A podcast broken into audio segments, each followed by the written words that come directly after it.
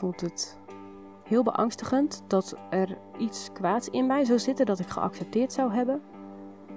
Ehm, dat die dingen met mij zou kunnen doen zonder dat ik dat zou willen. En dat allerlei mensen tegen mij gaan schreeuwen, maar, ik weet eigenlijk dat het niet werkt.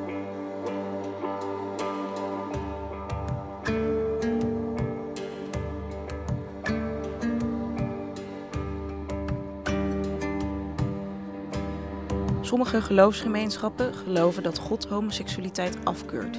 Dat het een ziekte is die bestreden moet worden. Personen die homo, lesbisch, biseksueel, transgender of queer zijn, zouden dan ook kunnen veranderen, kunnen genezen van deze zogenaamde zonde. De afgelopen weken dook deze krant in de wereld van kerken en hulpinstanties die denken dat het mogelijk is homoseksuele gevoelens te laten verdwijnen met hulp van God. Zo doet ook de 28-jarige Linda uit Ede haar verhaal. Wanneer ze als tiener aan haar kerkgenoten vertelt dat ze op vrouwen valt, krijgt ze te horen dat ze hulp nodig heeft. Ze ondergaat meerdere genezingssessies. En daarin gaat het er heftig aan toe, vertelt Linda.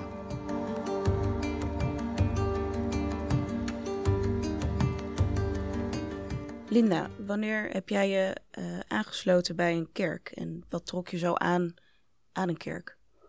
Ik heb me aangesloten bij een kerk toen ik eh 16, bijna 17 was.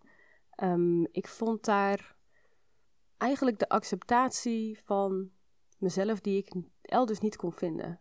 Ehm, ik ging heel vaak uit met vrienden. Op school ging het niet zo lekker. Ik eh, dronk daarbij veel alcohol en ik blode ook veel. Gewoon omdat ik niet zo goed wist wat ik in het leven moest. Wat ik, ja, ja ik, ik, ik zocht iets denk ik. En toen ben ik meegegaan met eh, wat mensen die ik kende, met wat collega's waar ik eh, werkte, ehm, naar een kerk. En het was een eh baptistengemeente waar, ehm, ja, waar ze met enorme bands en lichtshows ehm, het woord van God verkondigden. En daarbij vooral het onderwerp ja, liefde ja, verkondigden. En ik, ik voelde me daarin heel erg geaccepteerd en gezien. Mensen wilden naar me luisteren. Ik zag een richtlijn in de Bijbel waarin ik kon zien dat ik kon veranderen en dat dat ehm, ten goede zou komen van mezelf. Ik had een doel in mijn leven. Ehm, voor mij was het een soort uitkomst. Dus je kon, eh, voelde het als een soort warm bad? Ja, eigenlijk wel. Je kwam daar in de kerk. eh, hoe voelde dat? Het voelde voor mij eigenlijk als een soort uitgaan, maar dan een nieuwe stijl. als een soort. We zijn met z'n allen een feest aan het vieren, maar dan een feest van de mensheid, van de eenheid, van liefde, van acceptatie. Iedereen hoort erbij, iedereen is goed zoals hij is en iedereen heeft ook iets te brengen. En dat was dus anders dan andere kerken, als ik het zo hoor.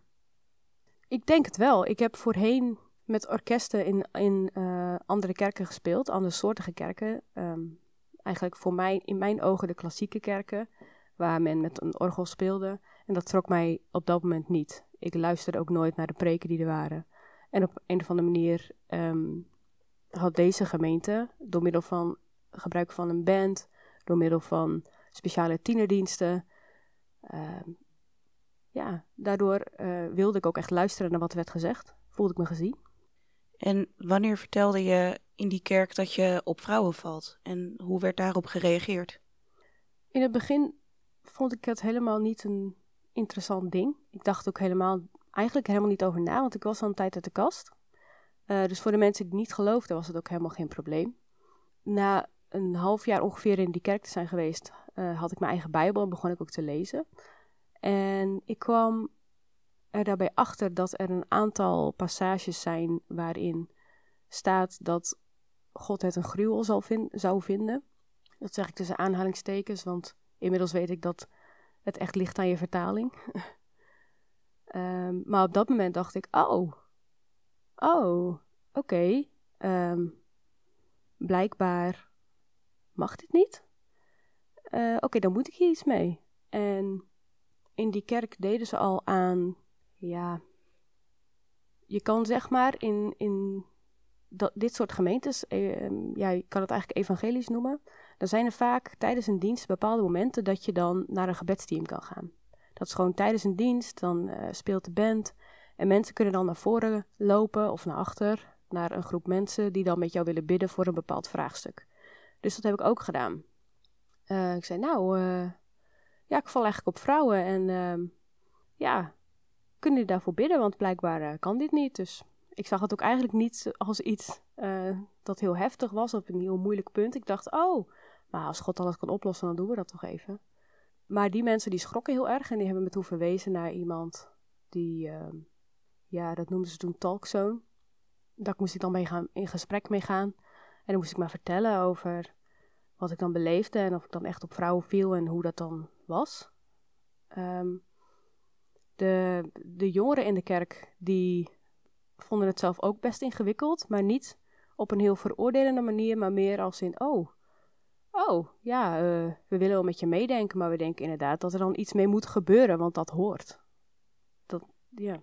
Betekende het eigenlijk dat er iets mis werd met je was? Werd dat zo genoemd of zo gezien?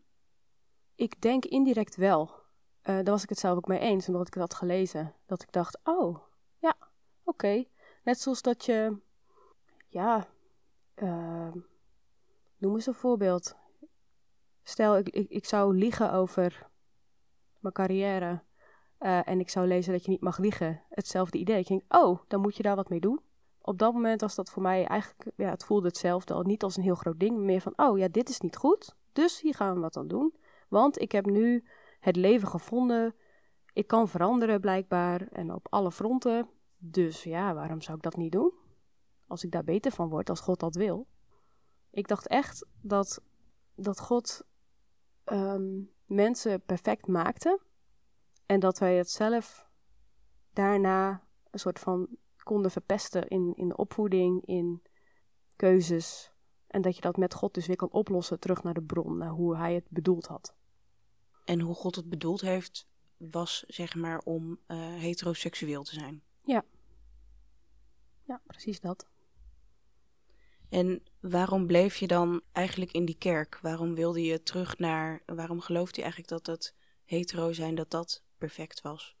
Um, het heterohuwelijk wordt vergeleken als Jezus die een relatie heeft met de kerk. Dat, er staat ook een passage in de Bijbel dat gaat over um, dat de kerk de bruid is van Jezus. En het hele hetero-huwelijk is eigenlijk één groot metafoor van de liefde van God voor de mensheid. Dus dat is dan ook de bedoeling, de heilige, het, het heilige verbond eigenlijk. Dus als je een niet heilig verbond aangaat, dan schend je gewoon de fundering van het hele geloof. En dat is niet per se wat iedereen meteen gelooft, denk ik. Ik denk ook niet dat veel mensen daarover nadenken. Maar ik denk wel dat veel mensen die leiding geven in kerken of uh, preken of ja, groepen leiden, dat die dat wel op die manier zien. Wat was het moment waarop je overging tot genezing? Ik denk op een moment dat. Oeh. Ik moet even goed nadenken, want ik heb hier dus ook uh, traumatherapie voor gehad, waardoor ik niet alles exact kan herinneren. En ik wil dan ook wel de waarheid vertellen. Ik kan me in elk geval herinneren dat ik nog geen 18 was. Dat ik gesprek, gesprekken heb gehad met de ouderlingen die mij waren toegewezen. Toen ik me bij de kerk had aangesloten. Ik denk dat het ongeveer, nou ik schat een half jaar is geweest nadat ik dus begon te praten met Talkzone. En wat voor gesprekken waren dat? Um, wat ik me herinner is vooral dat het gesprekken waren over bijbelpassages. Om te kijken hoe ik erin stond, hoe zij erin stonden. Um, kreeg een soort van, ja, bijbelles over relaties. En hoe het hoort. En waar er dus exact voor wordt gebeden. Het idee is dan ook dat voordat je zo'n genezingsproces ja, ingaat, is dat je precies weet waarvoor je het doet, waarom je het doet en wat er gaat gebeuren. Um, daar zorgt altijd wel heel erg voor. En in die zin denk ik ook dat ze daarin denken ook echt goed te doen. Um, dus ja, het ging, het ging in elk geval over passages. En wat, wat, wat werd jou verteld uh, over die uh, genezingssessies? Hoe werd je daarop voorbereid? Wat, wat zou er gaan gebeuren? Wat er zou gaan gebeuren, is dat mij in elk geval werd verteld dat we zouden gaan bidden dat ze de, de geest van homoseksualiteit zouden aanroepen en deze weg zouden sturen. Dus dat ze niet tegen mij gingen praten, maar tegen de geest in mij. Daarbij is het dus mogelijk dat een geest of een demon of wat het ook is, dat die gaat manifesteren. Dat is dan weer zo'n kerkelijk jargon voor ehm, het uiten van tegenstand. Dat kan zijn dat je begint te schreeuwen, dat je moet overgeven, dat je moet boeren, dat je heel hard gaat trillen. Ehm, eigenlijk die dingen die je altijd ziet in die heftige uh, demoonuitdrijving filmpjes of in de exorcisme gebeuren. Um, daar hebben we het over gehad en er wordt dan verteld, ja maar dat is de geest die dat doet, uh, de verkeerde, dat ben jij niet. Hoef je niet bang voor te zijn. Wij zijn er altijd bij, sturen hem weg. En als hij helemaal weg is, dan vragen we God of hij wil vullen met de Heilige Geest. Die roepen we dan aan. En als die dan er is, en die accepteer jij, kan er eigenlijk niks terugkomen. Accepteer dat niet en je gaat zo verder, zou je dat niet doen, dan um, is het mogelijk dat er nog veel meer geesten binnen kunnen komen. Want er is in de Bijbel staat ergens een passage dat daar ook over gaat. Als je dus niet jezelf laat opvullen met Heilige Geest zodra een demon of boze geest weg is, dat er dan veel meer terugkomen. En dan ben je dus nog verder van huis. Op een gegeven moment ben je na die gesprekken ook zelf van dit soort genezingssessies uh, heb je ondergaan. Ja. Wat kun je je daar nog van herinneren? Ik kan me herinneren dat ik in een zaaltje stond. En um, er staan een aantal mensen om mij heen. Ik weet niet meer hoeveel, ik denk vier of vijf. Um, ze vragen altijd of ze je aan mogen raken. Nou, dat heb ik toen geaccepteerd. Uh, dan leggen ze eigenlijk handen op je schouders of je rug of je armen. En vervolgens beginnen ze dan in je oor te praten. Uh, anderen beginnen te schreeuwen. Anderen beginnen ja, een beetje heen en weer te wiebelen of te duwen. Um, ik doe zelf ook mee, want ja, ik wil dat het gebeurt. Dus ik ga een beetje mee ook op de, op de flow van het gepraat of geschreeuw. Op de achtergrond um, wordt er in tongentaal gesproken. Dat is eigenlijk, men gelooft dat het een heilige taal is, dat het door God wordt ingegeven. Dus het is een onverstaanbare taal. Voor ons het is een hemelse taal. En eigenlijk wordt het geschreeuw steeds harder. En wordt er in de oor geschreeuwd dat het weg moet. Ga uit. Uh, dat, dat is wat ik me kan herinneren. En hoe lang duurden deze sessies? Ik heb geen idee. Durf ik echt niet te zeggen. Ik, ik kan me alleen herinneren dat ik wilde dat het voorbij was. Omdat het. Hoe goed, hoe goed ik ook geïnformeerd was, ik was echt wel bang. Ik vond het heel beangstigend dat er iets kwaads in mij zou zitten dat ik geaccepteerd zou hebben. Um, dat die dingen met mij zou kunnen doen zonder dat ik dat zou willen. En dat allerlei mensen tegen mij gaan schreeuwen, maar, maar ik weet eigenlijk dat het niet werkt. Op dat moment zelf ben ik een soort van welbewust en ook niet bewust bezig met wat er gebeurt. Maar ergens wist ik echt wel dat het. Als ik echt dacht, ja, ik weet echt niet, wat, wat zijn we eigenlijk aan het doen? Volgens mij werkt dit helemaal niet. En wat was het voor jou, uh, voor jou het moment om te zeggen, ik stop ermee? Ik denk na twee of drie keer dat ik dacht, ik vind dit zo onprettig. Dat ik heb, eerst heb gezegd, uh, ik wil dit niet, ik, ik neem eerst een pauze. Um, ik weet niet of God iets veranderd heeft, ik wil eerst onderzoeken of dat zo is. En daarna ben ik eigenlijk nooit meer terug geweest. Ik weet ook niet meer of we daarna contact hebben gehad. Ik, ik wil dat, dat het gewoon stopte. Ik denk dat ik het heb afgekapt. Wat heeft deze therapie met jou gedaan? Op het moment was het heel verwarrend en vond ik het heel lastig. Het heeft er wel voor gezorgd dat ik eigenlijk niet meer op deze manier voor genezing wilde laten bidden. Ook omdat ik ergens geloofde dat ik niet slecht was. Um, ik heb later wel met een vriend nog uh, gebeden voor homoseksualiteit, want ik geloofde nog steeds dat het niet goed was. Ik had met die vriend gebeden en dat was tijdens een jeugdgenezingsdienst. Ik ben dus toen niet naar zo'n groepje gegaan, maar gaan we gewoon samen achterin de zaal gebeden. En toen voelde ik ja, ik voelde een soort verandering. Ik voelde me raar. En toen dacht ik, oh, ik denk dat God het heeft weggehaald. Want ik voel iets en dat is dan een manifestatie, toch? Dus dan is het nu gewoon weg. Ik heb dat ook meteen verkondigd op het podium voor iedereen. Ik zei, ik ben genezen van homoseksualiteit. En mensen waren heel blij en gingen het vieren. Uh, want ik wilde het gewoon echt heel erg graag. Omdat ik dacht, God wil dit van mij, dus ik moet dit gewoon doen. Toen heb ik dat vijf jaar lang geloofd. Um, tot, tot ik uh, een vrouw tegenkwam die me op dat moment echt betoverde. En dat ik dacht, oh, volgens mij val ik nog steeds op vrouwen. Ik heb in de tussentijd ook nooit gevoelens voor mannen gehad. Maar ik, ik heb eigenlijk gewoon mijn hele gevoelsleven uitgeschakeld. En op het moment dat ik dus besefte, oh, ik val eigenlijk nog steeds op vrouwen, ja, raakte ik eigenlijk een beetje in paniek, want ik dacht, oh, maar dan is het dus nog steeds niet goed. Toen begon eigenlijk dat hele circus weer opnieuw. Ik zat inmiddels toen bij een andere kerk. Um, toen ben ik eerst zelf onderzoek gaan doen, want ik dacht nog steeds dat het niet goed was. Ik dacht, ik moet veranderen. God moet me gewoon niet als ik uh, lesbisch ben. Dus ik moet hier iets mee. Hoe wist ik niet, maar ik moest er iets mee.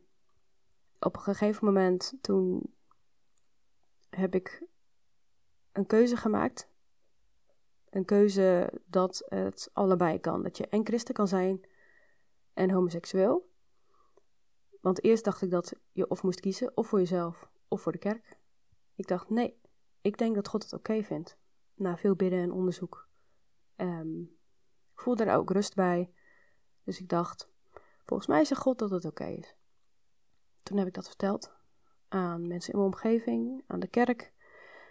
Um, maar dat werd niet zo opgevat. Een, een handjevol mensen die steunen me er wel in, dat moet ik wel zeggen. Ook gewoon mensen die christen waren of zijn. Maar het leeuwendeel was eigenlijk het niet eens met wat ik had ontdekt. Mensen vonden het heel ingewikkeld.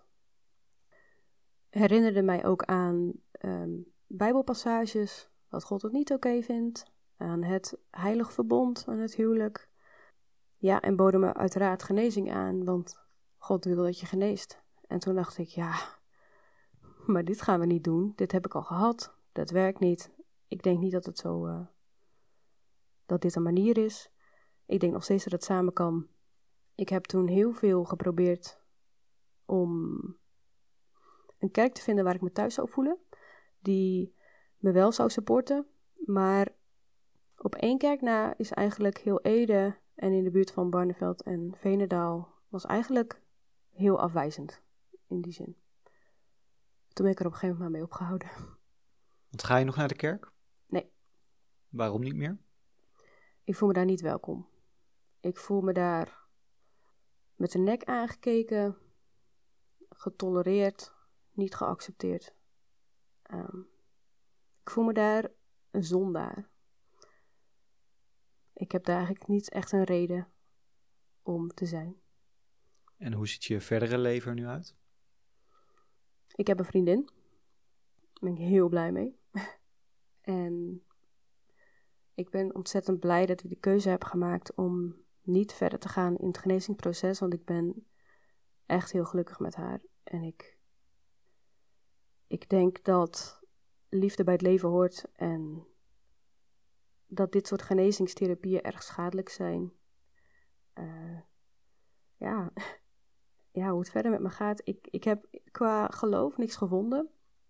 Ik vind dat heel ingewikkeld. Dat heb ik ook even losgelaten. Um, voor de grap verwijs ik nu vaak naar Odin, maar ik denk niet dat dat echt mijn geloof zal worden.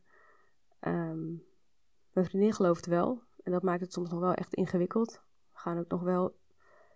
We luisteren ook nog wel naar kerkdiensten. Maar ik heb er zelf verder niks meer mee. En daar ben ik eigenlijk wel blij om. En heb je nog last van wat er in al die jaren in de kerk tegen jou is gezegd over uh, jouw homoseksualiteit? Ja, eigenlijk wel. Ik voel me in de buurt van elke kerk eigenlijk. Um, het voelt alsof ik een soort label opgeplakt heb gekregen waardoor iedereen meteen kan zien dat ik op vrouwen val, dat ik een zondaar ben, dat ik slecht ben. Ik voel me altijd met de nek aangekeken. Ik voel me afgewezen. Ehm, ik heb nogal nachtmerries over uh, genezingssessies, over het geschreeuw, over uh, ja, demonen. um, ik heb vaak ook nog last van een stem in mijn hoofd die dan zegt dat ik nog steeds zondig ben, dat ik het nog steeds slecht doe, dat ik nog steeds. Dat, dat als er bijvoorbeeld iets verkeerd gaat in mijn leven, dat, dat de oorzaak daarvan is dat ik nu met een vrouw ben. Terwijl ik donders goed weet dat dat niet zo is. Um, tenminste, daar ben ik van overtuigd. Maar ik heb zeker nog wel last van die uh, genezingstherapie. Um, ik denk niet dat mensen in de kerk het doorhebben of zo bedoelen. Maar ik ben ervan overtuigd dat genezingssessies heel manipulatief zijn, indoctrinerend en traumatiserend.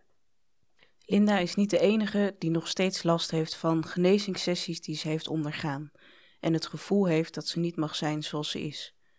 Mensen die de Gelderlander sprak zeggen nog altijd last te hebben van die negatieve gevoelens en soms zelfs van zelfmoordgedachten.